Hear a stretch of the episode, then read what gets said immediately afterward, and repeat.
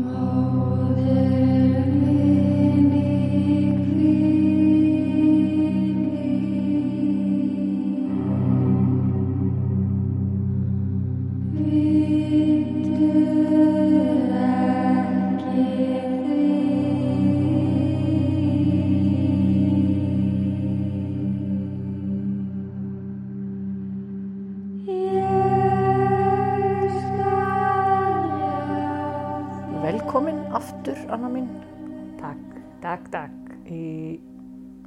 draugur, draugur. það er þess að hérna, ekki draugur, heldur draugur. Eins og í, já, opna þetta bara, Anna mín. Eh, það er talað um eitthvað sem heitir norræn draugur. Draugur. Eða það sem er... Norræn draugur? Norræn, já, þess að Ekki vennileg draugur? Nei, að, svona í heims fantasíu bókmyndum þá er þetta draugur. Draugur? Já, og það er alveg eitthvað sérstatt Getum við ekki tekið það fyrirbæri. Getum við ekki tekið það nafn upp bara aftur? Draugur, já, mér finnst þetta mjög skemmtilegt. Ég hef heyrt þetta, hérna, segi, þegar að hérna, enskumælandi fólk er að tala um þessa tegunda af draug, veist, þetta er, þetta er ekki ghost, heldur draugur, sem er Ok. annað fyrirbæri. Ok. Það er ekki svona venjulegur, já. Uh, þetta er einhvern veginn svona aðskili, ég veit ekki hvernig mér gengur að útskýra munin á þessu. Uh, í íslensku bókmentum og þjóðsögum eru þessi draugar oft hérna, nefndir líka haugbúar. Mm. Þeir sem hafa verið sko grafnir í haug Já. Og og eru að passa, eru að passa fjársjóðin sem þeir voru grafnir með. Ok.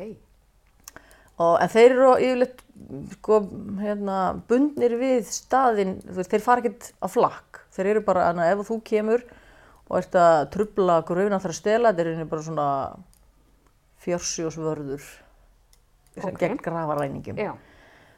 Þetta kemur fyrir í nokkur Svona sögum. Egyptalandsdæmi, sko. Einmitt, já.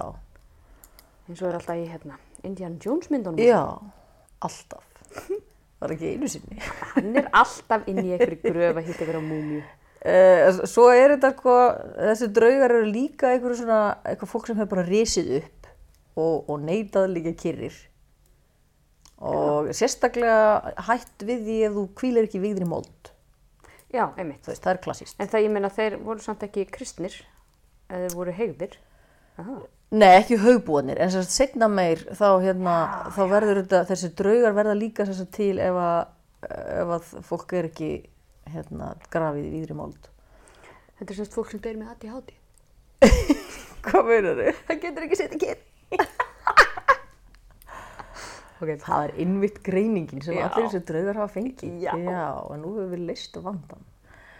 Uh, og sko oft var þetta fólk sem vill ekki, hérna, sem vill vera draugar. Það er oft sko uh, svona svolítið vafasamt fólk. Það eru gráðugt, illgjarnt Já. eða einhvern veginn á jaðri samfélagsins í lifanda lífi. ok. Þeir sem að neyta svona einhvern veginn, þeir eru að halda áfram að Þeir sem hafa verið það í slæmt. lífi og... já, og halda því einhvern veginn bara áfram. Já, já, ok. Dróigur. Já, eða drágur. Drágur. Já, Ekki strákur, drágur. Drágur. Og þetta er ekki svona okkar venjulega hugmyndum sko svona vofu eða ghost sem eru svona uh, ólíkamnað svona einhverju svipir eða andar. Veist, þetta eru bara lí, fólk með líkama. Veist, bara, þetta er eiginlega eins og uppvakningur. veist, eins og þeir, það er eiginlega verið að slást við þessa drauga eins og alvöru mannisku, sko. Og þannig að þeir geta, og þess vegna voru þetta kallað afturgöngur. Já, ok. af því þeir gengu aftur. Útlitið er oft ógeðfelt á þeim. Líkaminn bláleitur og lyktin rótin. Mm. Og til þess að drepa þá, þá þarf yfirleitt einhver sérstök heti að vinna á þeim, höggva hausin af og helst brenna líkið eða koma því einhvern veginn fyrir á mjög dramatískan hátt. Eitthvað svona, það er eitthvað öðruvísi en bara við vennilegt fólk. Ok. Og sko stundum var þetta hérna að einhver hafi galdra kallið, einhver hafi vakið upp lík, notað þess að lík einhverja mannesku sem þurfti þá ekkert endilega að vera eitthvað slæm til þess að senda því ykkur verkefni. Mm. Særa Sem að eru svona eins og uppvakningur. Og þá var alveg notað orðið uppvakningur eh, hérna, til að ásækja eitthvað fólk.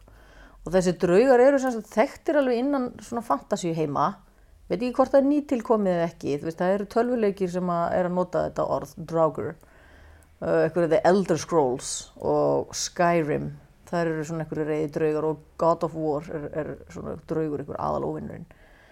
Og ég, ég las, sá einhverja kenningu um að, að hérna naskúlarnir hérna nýju, mástu í tolkin hérna í Lord of the Rings, Já, hérna riddararnir, Já. þeir getu hafa verið áli- álitnir einhvern veginn svona, þeir voru ágjarnir kongar sem eru svona hálgerði zombíjar mhm, og, og svo í fyrstu bókinni, ekki myndinni, fyrstu hérna ringadróttinsögu bókinni, þar hitta hobbitarnir sko, svona hugbúa og þurfa að slást við hann hjá Tuma Bumbalda, ég veit ekki hvort þú vil lesa þessa bók. Nei, ég þetta ekki kemur ekki fyrir Ég því hef bara bókinni. séð myndina. Já, þá veistu ekkert um Nei, þetta. ég veit ekki. En Tolkien var náttúrulega kafi í öllu svona norrænindóti þannig að það, hann þekkti þetta alveg, já. þetta fyrirbæri.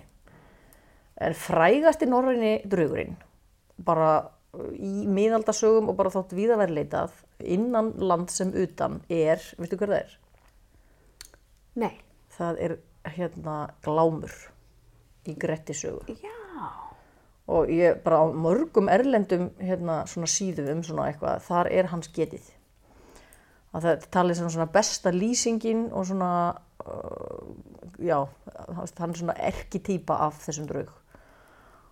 Er að ef maður googlar eitthvað svona draugur, þá kemur hann mjög oft upp. Hann er aðaldraugurinn. Ok. Og þess vegna ætlum við að heyra söguna af honum. Ég ætla að segja, hvað? Kemur fyrir í til Gretti sögu. Já, einmitt. Það er sko, það er náttúrulega afreiksmaðurinn er Grettir sko. Þetta Ó. er í Gretti sögu. Ok. Uh, Ástís og Ásmundur hétu foreldrar Grettis. Hann var mjög ódæll í uppvexti sínum, fátalaður og óþýður, bellin bæði í orðum og tiltæktum. Vantarlega svona stríðin, en hann er aðeins meiri stríðin. Þannig að ég myndi segja að hann var í dag eh, siðblindur. Já. Ekki hafði hann ástyrki mikið af ásmyndu föðu sínum en móður hans unni honum mikið. Hún virðist alltaf taka hans málstað. Bara svona, æ, hann er svo döglegur. Grettir Ásmundarsson var fríður maður sínum. Og svo kemur lýsing sem ég skil ekki. Breiðleitur og skamleitur. Var hann bre breiður og stuttur. Rauðherður og næsta frekknóttur. Ekki bráðger meðan hann var á barnsaldri. Þegar hann var tí ára, let pabbi hans hann gæta fýður fjenaðar bæjarins. Það voru um 50 gæsir og slatti af hænum. Þetta finnst mér áhugavert, veist, þetta er eitthvað svona um 1100 eða eitthvað. Ok. Fljótlega var Gretti reyður því erfitt var að smala gæsunum og honum þóttu hænurnar hægfara. Hann draf því einhverja hænur og vangbröð gæsir. Er þetta ekki dæmi gert um hérna, hérna, raðmorðingja? Jó. Byrjaði að pína dýrin. Og aðspurður hvort hann hefði gert þetta, játaði hann því og vildi fá annað verk að vinna. Bara mér varst þetta leðilegt, látum við fá eitthvað annað. Næst fær hann það verkefni, þetta er eins og í ævintýri, það fær þrjú verkefni. Næst fær hann það verkefni að strjúka eða klóra bak föðu síns við eldin á vetarkvöldum. Ég veit ekki hvort þetta er einhvern nutt eða, eða bara eitthvað klóran, ég veit ekki hvað hann ætti að bara klóran. Og eitt sinn þegar ásmundur pappans byður hann sífælt um að hann klóri fastar og er svona að gera grína á hann að hann geti deil ekki, þú veist það sé engin dugur í krakkanum. Hvað heldur að geri? Hann næsir í eitthvað. hann næsir í ullarkampa sem voru við hendina og rífaði á karlinu baki með þeim. Vakti ekki mikla lukku. Hann var ekki í góðu bókunum fyrir. Nei, nei, einmitt, hann hafði ekki mikið ástyrki að föðu sínu fyrir held ég. Og svo næst átti hann að gæta hrossa föðu síns. En það endaði með því að hann þurfti einhvern veginn að hefna sín á sko, stóðmerinni sem að réð. Hún átti að fá að ráða merin hvort að þetta taka hestan inn eða ekki. Hún var eitthvað svona vitur. Já. og hann, hann fláði hluta af hryggnum á henni að því að hann vildi ekki þú veist, hann var bara einhvern veginn að hefna sín á henni, það var mjög skringileg lýsing og það þurfti að lóa þessari meiri í kjölfarið og hann var svona frekar ánæði með þessa rekki sína hann, hann grettir sjálfur, hann vera sniður og mamma hans virðist vera einhvern veginn sammála því. En Ásmundur, pappan, sagði alla tíð að það væri vandræði með Gretti og hann yrði ófríðamaður hann draf mann 14 ára með einhvern húskarl sem strítunum Ok. hann dæmdur í 30 ára útlegð og þvældist um tíma í Noregi. Uh, þetta er sem sagt uh, hetjan í sögunni. Ok. eins og í öllum hérna, íslenskum sögum þá eru svona íslendingasögum svona frekar vafa sem hetja. Uh, segir þá af glámi Þórhallur og Guðrún byggu á Þórhallstöðum í Vastal hann var okkur að skýra bara bæinn eftir sjálfu sér held ég. Já. Heppilegt. Þetta er í Vastal hann fyrir norðan. Húnavarsíslu, eða ekki? Jú. Þau voru auðug en mjög þótti reynd á bæ þeirra og því gekk þeim illa að fá sauðamenn til að geta fésins. Þórhallur byður ráð og góðan vín sínum aðstóð sem segir Þá skal ég fá þér sauðamann þann er glámur heitir, ættaður úr Svíþjóð, úr Silgstölum, kom út í fyrra sumar, mikill er og sterkur og ekki mjög við alþýðu skap. Hann fyrir sérst aldrei á böll og svona. Nei, hann er alveg- ekki, hann er eitthvað félagsfæling. Já, við erum örugur með að hafa Já, heima, sko. Glámur var mikill vexti og undarlegur í yfirbræði, bláeigður og opinneigður, úlf grár á hárslit. Þór hætti brá nokkuð í brún er hann sá þennan mann. Uh, hann býður hann samt að vera, en varar glámið því að það kunni að vera reynd á bænum. Glámur gefur lítið fyrir það og segist ekki hræðast slíkt. Uh, Sérst að nafni glámur, veist, hvað, hvað myndir þú tengja við nafni glámur? Glámur skrámur fyrsta legin. ég er ekki vissum að Já, það eigi við. ekki við sem að eigi við. Nei, að vera glámóttur, eins og glámótt kind. Já, einmitt. Svona útstæð augu. Já, og svona hvít. Já. Já, svona of, ofbjart, Svona svona bleiki kringum augun. Já. Já. Það hafa verið kenningar nefnilega um það. Nafni Glámur þess að hann hafi verið óvinni fölur yfirlitum og þess að jafnvel að hann hafi verið hvítingi eða albínói en hann er ekki með rauð augu. Það, er sem sagt allt, það alveg Já, ekki fram hann er já. með blá augu. Já. En ímsir sjóngallar fylgja svona albínisma Já. og það er aflegging þess að sjónhimnjafn hefur ekki þroskast rétt og það er eitthvað svona að fólki hættir stundum við missýnum og sér ekki alltaf hérna, eðlilega. Já. En albinóa genið er eitthvað svona stökkbreyting á litarefni í húðinni, veist, á litarefni sem gefur húðinni dökkan lit og þetta, veist, þetta er náttúrulega rosalega sjálfgeft og gerist bara þegar báðir foreldrar, þú veist, eitthvað svona talað um einna hverjum 20.000 séu hvítingi Ok. þeir hrjá oft ímsi sjóngallar en þetta getur verið hérna, það er sett miskilingur á albinóa sé alltaf með rauð augu Já. Það er til en hérna, flestir albínóar eru með blá eða brún augu. En það er bara svona, þetta er bara svona veist, Það eru nokkra tegundir á þessu og það eru eitthvað svona stig Ok. á þessu sem, að, sem þýðir að hann gæti alveg hafa verið með einhvers konar, það var eitthvað, það var eitthvað skrítið hann. Þú veist, það er svona, já, Þú ert bæði með þetta. augu og eitthvað Það var eitthvað bóið við hann, já, undarlegur yfirlitum. Það, það, er hérna, já, það er, Það er lýsing, sko. setningin sem að ég er að lesa þetta í. í hann er að, kallaður þrællin en glámur, ég veit, það er ekki skýrt nákvæmlega hvers vegna, hann kemur svo svíþjóð en En er hann ekki húskall eða? jú, hann er ráðinn sko, þannig að ég veit ekki okkur þetta orð þrællin er notað, það er ekki skýrt nánar. Það var samt ekki bara að glámur hafi líklega verið fyrsti kvítingin sem fólk í sveitinni sá, heldur var bara eitthvað bóið við hann. Hann var hljóð mikill og dimmradaður og fjéstökk allt saman þegar hann hóaði. Kirkja var á Þórhaldstöðum, uh, ekki vildi glámur til hennar koma. Hann var ósöngvinn og trúlaus, styrfinn og viðskotaillur. Öllum var hann kvimleiður. Pældi ég að fá svona Já. Eftirmáli. Já. Anna var öllum kvimleið kona. Hann sast líkaði engum við mannin og allra síst Guðrún og húsfreyju. En þau hafa látið sér hafa að vera með hennar mann því að þau fengu engan til að, að vera hann í svo draugabæli hérna. Kristni var frekar nýtekin á Íslandi en fólk á Þórhaldstöðum var kristið og þá var til síðis að fasta á aðfangadag og borða vel á jóladag. Hmm. Glámur vildu ynguða síður frá matinn sinna venju þennan dag, þótt húsfreyjan maldaði móin. Hún sagði ekki myndi fara vel fyrir honum í dag ef hann sviki föstuna. Hann hlustaði ekki, heimtaði mat og gekk síðan í fjárhúsin. Á meðan var, hann var í fjárhúsunum á svangukallinn. brast á stór hríð sem stóð fram að næsta dag. Glámur kom ekki heim og farið var að huga að honum og fjennu eftir að veðrinu slotaði. Mikið af fjennu hafði fendt fast og líkið af glámi fannst ofarlega í dalnum. Þeim sem fundu hann þóttu vera mikið trafki kringu líkið og grjótið hefði verið rótað upp. Vildu þeir meina að þarna hefði glámur glýmt við eitthvað. Eitthvað draug eða eitthvað, ég veit ekki, eða tröll eitthvað. Röktu þeir spór á stærði tunnulok upp dalinn og þar sem þau tóku enda voru blóðslettur. Þarna töldu þeir að glámur hefði barist við óvætt og að bæði hefðu bæ, beðið bana af.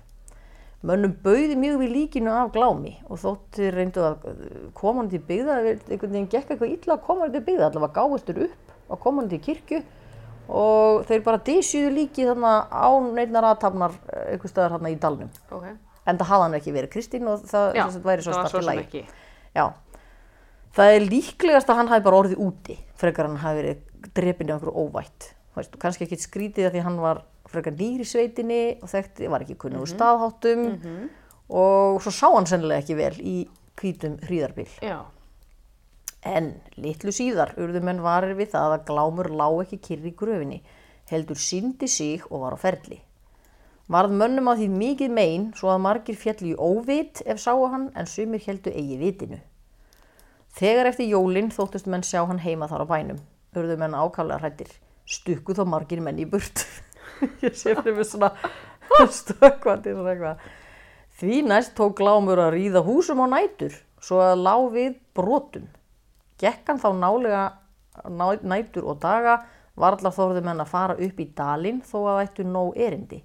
Þótti mönnum þar í héraðinu mikið meina þessu. Hann er sagt svona farin að hrella ekki bara fólkið á bænum hann heldur alla í dalnum. Það sem eftirliði vetrar magnaðist draugagangurinn á bænum og var hann íðurlega laminaðu utan með miklum hamagangi og látum. Fljó, fólk var fljótt að kenna glámi um þetta þar sem hann hafi verið mjög illa líðin á bænum. Næsta vetur kom nýr sauðamaður að Þórhalstöðum, kraftakarl að nafni Þorgautur sem sá, gló, sem sá glám oftar en ekki en var, sem sagt, hann var ekki hrættu við hann. Þórhaldur reyndi að telja hann ofan af því að fara að glíma við draugin. Aftur skall óviður á aðfangadag. Á jóladag er menn voru mettir, fóru menn og leituðu söðamannsins og fóru fyrst til það sem að glámar hafi verið dísjaður því að þeir heldu að hann hefði sagt, bæri ábyrðið á hvarfi söðamannsins. Er þeir komið nær dísinni þar, fundu þeir mannin, hann var brotinn á háls og lamið sundur hvert bein í honum. Síðan færðu þeir hann til kirkju og varðu ungum manni mein að þorgauti síðar. Þeir hefðu sett betur gert það Já. við hinn líka, já. Já. En Glámur tók að magnast að nýju. Gerði hann nú svo mikið af sér að menn allir stukku burt aftur af Þórhalsstöðum utan bóndi einn, sem sagt, já, kallinn og húsfreyja. Einni varði eftir á bænum gamall nautamaður. Eh, sem er ekki maður með nautshaus held ég. heldur. Nei, nei. Maður Sem nautana. nauta. Þetta lítur að hafa verið stór bíli, sko. Það var sérstaklega nautamann. Eitt sinn heyrði húsfreyja óuruleg öskur frá fjósinu og gerði bónda viðvart. Þórhallur gekk út og kom til nautana stang, sem stangaði hvert annað. Þetta var eitthvað svona uppnám. Þóttu honum þar eigi gott og gekk inn að hlöðinni. Hann sá hvar lá nautamadurinn og hafði höfuð í öðrum bási en fætur í öðrum. Hann lá á bak aftur og finnur brátt að hann er dauður og sundur hryggurinn í honum. Hann var brotinn um báshelluna, það sem skilur að, skilur hann er með fæturinn öðrum, hausinn hinum einn og liggur aftur á bak, bara brotinn, Já. hryggbrotinn, hérna liggur svona á, í annarleiri stellingu. Glámi var kent um. Þetta er svona, gott að kenna kötturinn um. gerði það. Já, einmitt. Hörðu voru ekki krakkandi með þetta einhver Glámur var með þetta. Já. Húnum er. Var nú bærin yfirgefin af öllu fólki en þær skeppnur sem skildar voru eftir voru drefnar. Glámur held áfram að herja víðam sveitina eða eins og segir í Grettisögu þar næst fór hann um allan dalinn og eitti alla bæi upp frá tungu. Ég er ekki kunnum staðháttum í Vastal og gerir mér ekki alveg grein fyrir hversu margir bæir þetta er eða hvað þetta er mikið en þetta allavega Grettis að segja þetta. Ekki var hægt að fara um dalinn með neina skeppnu án þess að það yrði allt drepið. Vona var hann reyð Já. hvað er hann að gera við þetta? Ásagnirna lágu vanalega niðri yfir bjartasta tíma ársins og þá vildi Þórhallur fara aftur að búa en allt, allt fór á sama veg þegar hausta tók. Það er ekki þetta að vera með draugagang í þú veist, sólarljósi, allt, allt er bjart. Það fór að lokum svo að dóttir hjónana var drepin og fólk ótaðist að þetta yrðu endalok byggðar í Vastal. Þegar hér er komið í sögu, þegar þetta er alltaf búið að gerast, byrtist hinn tvítugi og ég veit ekki ekkur ég skrifaði þetta, Vassgretti, Gretti Rásmundarsson, á þessum slóðum og hann var í heimsókn af frænda sínum og hérna, sem að virðist að vera þarna, hann á frændur út um allt greiðlega. Þar sem fátt annað er rætt í sveitinni en draugagangurinn á Þórhalstöðum vil Grettir endilega reyna sig við draugin, enda sé hann allra manna hraustastur og hræðist ekkert. Þrátt fyrir að frændi hans reyna að fá hann ofan að því, fer svo að Grettir bankar upp á hjá Þórhalli bónda. Þá voru bæjarhúsin svo illa farin eftir ágang draugsins að varla stóð steinni við steini, hurðir og innrettingar brotnar og allt á rúi og stúi. Æj, æj. Já, en þú veist, hann er halda áfram að reyna að vera þarna. Það var magna. Fyrstu nótt Grettis á svæðinu bara ekkert til tíðinda og það var svo óvenjulegt að bóndi var bjart síðan á fælingamátt nýja hraustminni síns. Eftir næstu nótt var búið að brjóta upp dyrnar á hesthúsinu og komu þeir að hesti Grettis döðum búið að brjóta í honum hvert bein. Þórhallur byðu Grettinum að forða sér áður en hann lendi átökum með drauginn því hann muni ekki lifa það af. En Grettir er svalur og segist nú ekki mega minna að gera fyrir hestin sinn en að fá sjá kauða. Grettir fór að sofa þessar þriðju nóttina. Þetta er svona svo æfintýrum, alltaf þrýr. Með ljós logandi og var vafinn inn í skinn ábreyðu með spyrnu í öflugan rúmgafl. Töluvert var liðið á nóttina þegar heyrðust miklar drunur og bank uppi á húsþakinu. Þá var farið ofan af húsunum og til dýragengið. Og þegar hurðin var opnuð, sá Grettir að þrællinn, sem sagt, klámur, rétti inn höfuðið og síndist honum afskræmt, mikið og undarlega stórskorið. Glámur fór hægt en gægðist inn fyrir dyrnar. Grettir lá kyrr og hreyði sig hvergi. Glúmur, glúmur, glámur sá að hrúan okkur lá í rúminu og fer inn eftir skálanum og þreif í fast í feldin. Grettir spyrndi í stokkin og hreyðist ekki. Glámur tókaði í annað sinn miklu fastar og bifaðist hvergi feldurinn. Þannig að það reyna að kippa á honum sænginni bara.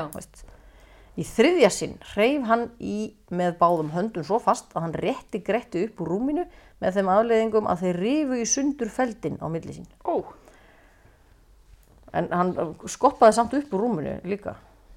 Glámur leit á slítna skinnið sem hann hjælt á og undraðist mjög hver svo fastu myndi tókast á við hann. Og í því hljóp Grettir undir hendur honum og þreifum hann miðjan og spetti á honum hrygginn sem fastast og ætlaði hann að Glámur myndi kikna við. En þrællin lagði að handleggjum Grettir svo fast að hann röglaði tilbaka og allt, allt brotnaði það sem fyrir varð innan hús. Þetta er bara svona glímutök ykkur, það veist, þeir eru svona í ykkurum fangbróðum. Glámur vildi stefna út úr bænum, en Gretti spynti við fótum eins og hann gat, en þó gat Glámur dreigið hann fram úr skálanum. Hann er, hérna, Glámur er toga hann aftur á bakk og Gretti er að reyna að spynna við fótum. Uh, hann, hann ætlaði þess að koma Gretti út, en Gretti hugsaði með sér að það væri ennþá verra að eiga við hann úti og hann braust á móti af öllu afli en glámur færist í aukana og hnefti hann að sér þegar þeir komu í andirið. Þegar Grettir sá að hann gæti ekki hérna, komið í veg fyrir þetta, þá ákvað hann að breyta um, um, um plan og stökk á hann í staðin og hend honum út. Sagt, og þá datt glámur á bakið, sko. ok. Hann hljópa öllu afli í fangið á glámi og við þessu bjóst draugurinn ekki. Glámur hrökk aftur á bak og raug öfugur út á dyrnar svo að herðarna brutu dyrnar og rjáfrið gekk í sundur, bæði viðirnir og frosinn þekjan. Hann fjall svo aftur á bak út úr húsunum en grettir ofan á hann. Tungskinn var mikið úti og dró skíin stundum fyrir og frá. Og nú, hérna, þú hlýtur að hafa heyrt ljóðið. Hefur ekki heyrt ljóðið hérna? Grettis ljóð. Mattías Jökkumsson samdi, sá sem gerði hérna þjóðsengin, samdi uh, við 30 erinda söguljóð Guð, úr Grettisögu, já, það sem bara sagan er rakin. En erindin sem, sem fjalla um hérna, viðrögnina við glám er langt frægust. Og hann er svolítið mikið að pæla í svona átökum kristna og heiðina, eitthvað svona. He, hefur ekki heyrt þetta, hann hlustar, hann býður, hann bærist ei. Jú. Hann heldur í feldin, þetta var í skólaljónum, mm heldur í feldin, horfir í eldin, hann hærist ei, það er þegar hann er að býða. Það byrtir, það veist, mánin er að fara, hver ber utan bæinn, svo þetta er svona, fer svona með, hérna, draugurinn kemur, þetta er svona mjög dramatist. Sónu minn las þetta mitt í, hérna, upplestrakeppninni, ég sagði bara, hei, ég með geggja ljóð fyrir þig, ég veit hvað er besta ljóðið að lesa. Og hann, það er verið að toga hann á móti, svo takast þér á hristin og fordæðan forn og grá, ofurhugin sem er grettir og heiftin flá, æskan með hamstóla hetjumóð við heiðninnar draugablóð. Uh, krafturinn og kingin, þjóskan og þjóðin, þetta er allt mjög dramatíst. Nema hvað, þegar hérna glámur fjell aftur á bak og tunglskinnið skín svona í andlitið á glámi sem að hérna sér, þegar Grettir sér það hvessir hann augum til hímins þessi skrítnu augu sín hana og Grettir sagði síðar að hann hefði aldrei orðið hrættur á æfi sinni fyrir þetta gerist, þegar hann sér svipinu á honum og þetta, hann, hann rann næstum því af honum allir móður við þetta, hann bara svona hann bara svona og vitsugurnar, þegar vitsugurnar koma hann bara svona datt úr honum allt hérna. Og hann segir þetta, þetta draugurinn, kemur með svona formælingu. Veist, hann kemur með svona spátum Ok. sem er svona Mikið kapp hefur þú lagt Grettir á að finna mig en það mun eigi undarlegt þykja þó að þú hljótir ekki mikið happ af mér. En það má ég segja þér að ég hef nú feng, þú hefur nú fengið helming afls þess og þroska er þér var ætlaður ef þú hefðir ekki fundið mig. Nú fæ ég ekki það afl tekið af þér sem þú hefur áður hreft en því má ég ráða að þú verður aldrei sterkari en nú ertu og ertu þó nógu sterkur. Þú hefur frægur orðið til af verkum þínum en hérðan af mun falla til þín sektir og vígaferli en flest öll verk þín snúist þér til ógæfu og hamingjuleysis. Þú munt verða útlægur ger og hljóta jafnan úti að búa einn. Þá legg ég það á við þig að þessi augu séu þér jafnan fyrir sjónum sem ég ber og mun þér þykja erfitt einum að vera og það mun þig til dauða draga. Dun. Spooky. Já, hann sem sagt segir Leggur bara, bara á hann. já, hann er bara svona, með eitthvað svona spá, segir bara þetta var ógæfi spór hjá þér að finna mig og berjast við mig og þú hefðir geta orðið miklu sterkari ef þú hefðir ekki farið að berjast við mig, þú veist, þú ert bara að koma með helmingina aflínu þínu en þú færð ekki meira, veist, þú verður ekki sterkari en þú ert núna, vegna þess að ég ætla að stoppa það.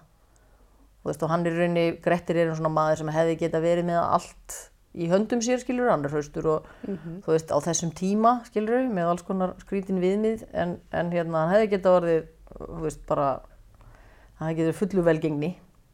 En hann segir sérst, hérna og að augnaráð gláðums muni fylgja honum alla æfi og gera hann myrkvælin. Og hann myndi deyja einn útlægur og þegar, Gret, nei, þegar draugurinn segir þetta þá allt í einu svona rekkur Grettir í, í ganga aftur og tekur hérna fína sverði sitt, hann er kársnaut og hjóða honum höfuðið og setti þá við þjó honum sem ég skil ekki alveg, setti við rassin á honum. Þátti Það getur eitthvað? Já, en þú veist, ég veit ekki akkur hann að gera það. Uh, Þá kom bóndi, þess að Þórhallur út og hann þórði ekki að koma fyrir en að ræðan hans gláms var búinn. Og lofaði Guði fyrir og þakkaði vel Gretti. Hefði unnið þennan óhreina anda svo fóru þeir á brendu líkið og grófu svo uh, hérna í ykkur staðar í burtu það litla sem eftir var af beinunum. Uh, gengu þeir heim eftir það og lá hérna Grettir lagðist niður og var mjög styrður svo sem sagt, Hann pínu eftir sig eftir Já, þetta. hann pínur eftir sig eftir þetta en hérna, hann allavega sigraði en þá kemur svo sagt, framhaldið af lífinu hans Grettis sem að er nefnilega svolítið draugurinn að spurning, þú veist, hvað er orsök og afleðing þú veist, var, var lífið hans þannig vegna þess að hann heyrði inn að spátum eða var, var þetta alveg spátumur eða gerist þetta bara allt hvort sem er Þórhallur sem sagt uh, lætur þetta berast hvað þetta afreik hafi verið unnið og Grettir hafi sigrað draugin og þóttið öllum þetta mikið verk og að enginn væri því líku maður á öllu landinu eh, sem Grettir Ásmundarsson. Og Þórhallur kvatti Gretti innilega, gaf honum góðan hest, en það var búið að drepa hinn hestin hans, og klæði, skildu þeir með vináttu. Grettir sem hafði aldrei verið mjúkur í lund batnaði ekki við þessa þólraun og sagðist miklu verri stiltur en áður og þóla illa allt um útlæti sem ég held að hafa nú einmitt ekki verið áða bætandi. Í því fann hann uh, mikinn mun að hann var orðin maður svo myrkvælinn að hann þorði hvergi að fara einn þegar myrkva tók. Sýndist honum hann þá sjá allskins kynja verur og það er haft síðan fyrir orðtaki að þeim ljái glámur augu eða gefi glám síni ef fólk sér miklar missýnir. Hann gefur tala um að vera glámskygg, minnst það eins og það sé eitthvað orð. Já. Það er svona eitthvað sem sér eitthvað vitlist. Uh, hvort sem að, hvort Grettir lagði, nei Glámur lagði Gretti á, blöð, hvort Glámur lagði bölvun á Gretti eða var bara forspár, veitu þetta enginn, en í kjölfar átakana við draugin fór allt á verri veg fyrir Gretti. Hann brendi óvart inn í slatta af mönnum, kofa, og var fundin segur um það sem nýðingsvert. Ég, ég man ekki alveg hvernig þetta kom til, en hann held að það væri enginn aðna inni eða eitthvað svona og svo bara dófullt af fólki. Þannig að hann, hann var sagt, var búið að dæma hann. Svo dó pappans úr elli og bróðir hans var drepinn. Hann fór í hendaraðgerðir uh, út af því en var að lokum dæmdur í útlegð og þurfti að fara huldu höfði og stela sér til matar. Hann gerði sér um tíma bústað á Arnavasheiði. Uh, það er talað um að það sjáist enn merkjum það í dag. Ég veit ekki alveg, hefur heilt um það? Nei, Nei. ég er endur ekki spurt það því. En uh, þar dvaldi hann í nokkra vetur en vegna þess hvað hann var myrkfælinn þá fristaði hann þess tvísvar að láta aðra útlaga dvelja hjá sér. Sem sagt, Þetta er bara einhverju svona menn sem að segja hei, við hefum ekki vera saman í útlegð. En þeir voru samt báðir eh, leigumorðingjar sem áttu að drepa hann. Sem hann bauð með sér. Já, að þeir komum bara svona, jú, hérna má ég vera með þér og svo voru þeir heilengi með honum hana og voru alltaf að býða færis en Gretti var tortrygginn og endaði með því hann drap þá báða. Uh, þar hann á eftir fór hún í Fagraskóafjall, hérna út á Mýrum og hafðist við í helli eða sprungu hátt í fjallinu sem er ennþá kalla Grettisbæli og á að vera hægt að finna ennþá, þetta er alltaf hátt upp í, hérna, hefur ekki hert um þetta? Jú, ég hef heyrt um þetta. Já, þetta er hérna þetta, þetta er einhvers konar já, meiri sprunga heldur en hellir held ég sko. að þaðan stalan og herjaði á mýramenn svo þóttu þetta hinn mesta pláa og reyndu mikið að vinna á honum en það var náttúrulega ekki grína þú veist, þú ert að klöngrast þarna upp og hann býður bara, þú veist. Það, það náði engin að hérna, drepa hann þar. Svo fór hann á Norðurlandið uh, því hann átti alltaf einhverju vini eða ættingja sem voru til í að hjálpa honum. Og þá var hann bent á að Drangey væri fullkomin félustæði fyrir útilegumann. Þar er þvernýpi á alla kanta og bara að komast upp með kaðalstiga. Ég veit í hvort að hefur einhverju átt þess að eigu allavega var veist, búið að klífa þann upp og setja einhvern kaðalstiga en hann gærilega bara herrtekur þetta svæði og það er fugl í bjarginu og, og einhverju sauðir voru nótna þegar Já. hann kom hann fyrst Egg og eitthvað gott. Já, en vantarlega hafa þurft að finna sér hérna e, drikjarvatn, ekki pælt í því, eða kannski bara Það að rigningavatni. myndavatn.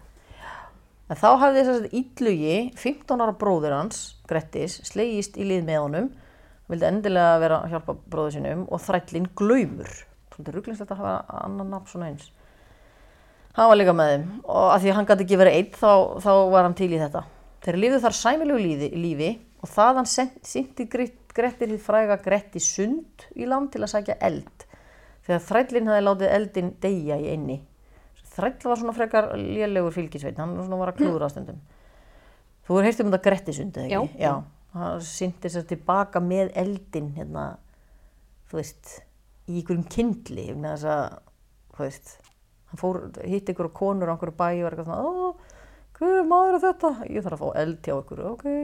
Gjör svo vel. Og svo fór hann bara og hendi sér til sunds aftur með svona kindil á lofti. Ég held að þetta hafa nú verið endutekið, hefði ekki fólk eitthvað reynd að gera þetta Jú, eitthvað? Já. það er sint grettir. Þetta er ekkert eitthvað óurstíganlegt mikið, sko, en það er alltaf skrítið þetta með, þú veist, að vera með kindilin að leiði tilbaka. Ólipjulegt við þetta. Já, mjög. Skagfyrringar uh, réðum mann til að drepa Gretti því þeir vildi ekki hafa einhvern, einhvern eigatökum mann hann sem að veri bara eitthvað að sækja eld og borða fugl og eitthvað. Og hann var kallað Þorbjörn Öngull og var óerða maður mikill. En hún gekk ekki sérlega vel að vinna á Gretti þannig að hann þurfti að fá aðstótt gamallra fóstru sinnar til að vinna verkið því hún var fjölkunnug, var göldrótt. Það sem hún gerði var að hún fann stóran rekaviðadrömb. Tók hún hníf sinn og reist rúnir á rótinni og rauð í blóði sínu og hvað yfir galdra. Hún gekk öfug andsælis um tréð, er það ekki það sama, öfug andsælis. Og hafði þar yfir mörgur römm ummæli. Hún bakkaði, já, bakkaði til vinstri, eða sérst andsælis, já. Já. Eftir það lætur hún hrinda trénu í sjó og mælti svo fyrir að það skildi reka út til drangæjar og verði gretti allt mein að. Og hún sagði hendi reka við að drömbi sjóin. Uh, Dre- Gretti og félaga vantaði oft eldi við. Þótt Grettir hafi fundið það á sér að eitthvað væri bóið við þetta tré þegar hann sá það í sjónum, hann vildi ekki nota það. Vildi ekki veist, láta hýfa það upp. En þrællin glaumur, kemur aftur að klúðramálunum, Kemur dróð það samt í land. Hann vissi ekki alveg, sko ég held að það hafi verið óvilja verk samt að því að hann vissi ekki að hérna, Grettir hafi verið búin að hafna þessu tré, sko. Þannig að hann bara, hei, vá, hérna, ég fann hérna rosa gott tré hand okkur. Og baslaði hérna upp á eina og tók að höggva í eldin. Grettir kannaðist ekki strax aftur við grunnsalega trjábólinn og ætlaði að hjálpa til við að búta niður í eldin.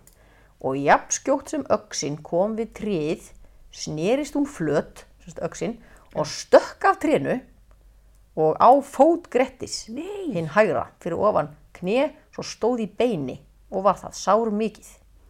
Þetta var sérst eitthvað svona klúðuslegt, hann er að fara að höggva treð og hann bara í staðin einhvern veginn rekkur öxin og stendur í beinu Og hann bara heggur af sér fótinn. Já, liggur við, já.